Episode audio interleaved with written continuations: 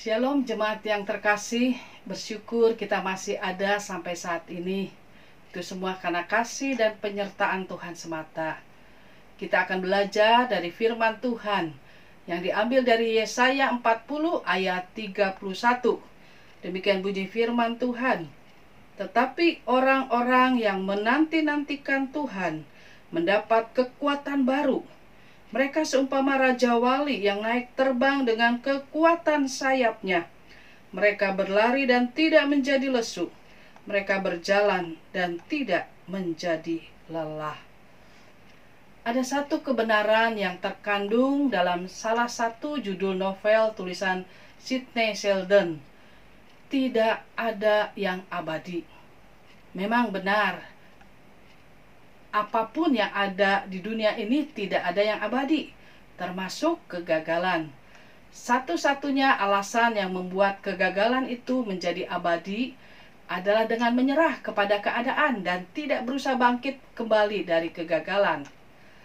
Ada seorang anak laki-laki ketika berumur tujuh tahun, ia bersama orang tuanya diusir dari tanah milik mereka. Dua tahun kemudian ibunya meninggal pada usia 20 tahun ia bekerja di sebuah toko. Tapi karena terjerat hutang, ia kemudian dipecat. Lebih dari satu kali ia mengalami kebangkrutan ketika ia mencoba berbisnis. Kekasih yang sangat ia cintai meninggal. Kemudian ia mencoba mencalonkan diri sebagai anggota legislatif, tetapi dia mengalami kegagalan selama dua kali pencalonan. Ia banyak mengalami kegagalan dalam pernikahannya dan ia pun harus kehilangan ketiga anaknya ketika mereka masih sangat muda. Pada usia 47 tahun, ia kalah menjadi calon presiden. Tapi pada usia 52 tahun, ia terpilih menjadi presiden Amerika Serikat ke-16. Seluruh dunia mengenal laki-laki yang sudah berusaha melepaskan diri dari kegagalan dan penderitaan untuk meraih keberhasilan. Ia bernama Abraham Lincoln. Jemaat yang terkasih, manusia bisa gagal berkali-kali dalam banyak hal, baik dalam studi, pekerjaan, usaha, dalam menjalin hubungan, dalam pelayanan, dan lain-lain. Petrus adalah contoh terbaik dari orang yang mengalami kegagalan dalam kerohaniannya Petrus tidak pernah berpikir akan menyangkal Tuhan Yesus yang selama ini selalu bersama-sama dengan dia. Tetapi ia menyangkal juga. Pelajaran terbaik yang bisa kita ambil dari Petrus adalah semangatnya untuk bangkit dari kegagalan. Ia menyadari kegagalan tersebut, ia memperbaiki diri sehingga di kemudian hari kita mengenalnya sebagai orang yang bersemangat dalam melayani dan memberitakan tentang Kristus. Apa kegagalan itu? Abraham Lincoln mempunyai pendapat tersendiri mengenai kegagalan. Ia berkata, "Tidak peduli berapa kali Anda gagal, yang penting adalah berapa kali Anda bangkit." Jemaat yang terkasih, Tuhan tidak menghendaki kita menyerah dan tinggal pada kegagalan tetapi bangkitlah untuk meraih keberhasilan, berharap dan bersandarlah kepada Tuhan.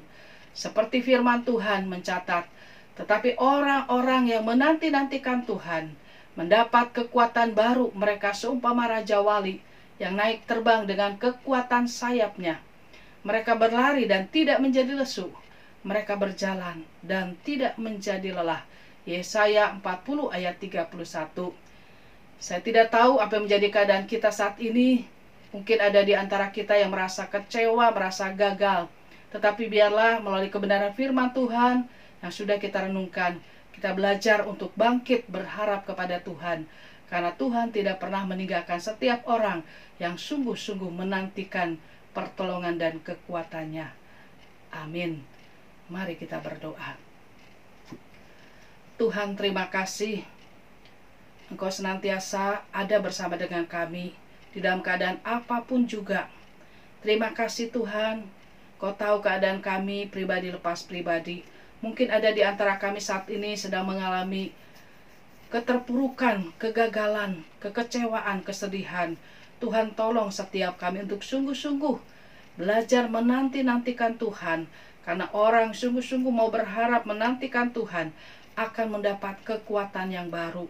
Seperti firman Tuhan mengajar setiap kami bahwa dia akan mendapatkan kekuatan yang baru daripada Tuhan karena Tuhan menolong setiap kami.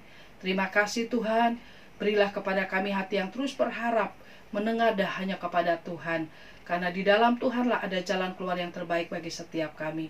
Terima kasih Tuhan, bantu dan tolong kami untuk bangkit dari kekecewaan, kegagalan kami karena Tuhan akan beserta dengan setiap kami. Kami berdoa bersyukur hanya di dalam nama Tuhan Yesus, Juru Selamat kami yang hidup. Amin.